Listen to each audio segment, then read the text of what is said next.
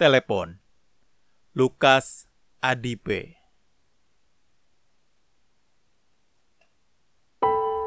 Telepon berwarna merah itu sudah berdebu. Setahun tak tersentuh. Hanya teronggok di meja.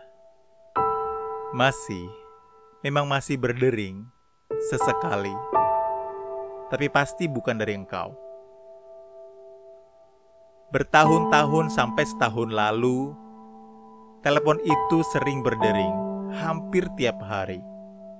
Dan kupastikan itu dari engkau ceria suaramu memanggil namaku. Dan aku akan menghabiskan waktu berpuluh menit, satu jam, bahkan pernah dua jam. Hanya berbincang tentang banyak hal yang membahagiakanmu sekaligus membuatmu terluka. Satu cerita bisa diulang berulang-ulang.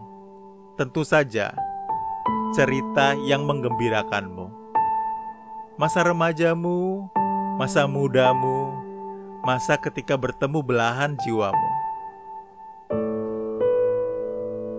Hari di mana aku menghirup udara pertama dan mulai berjalan merangkak. Masa ketika dia merasa cemas saat aku beranjak dewasa.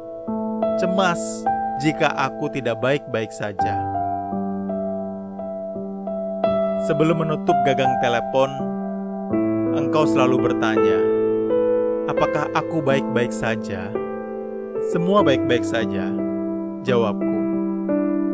Kini sudah setahun.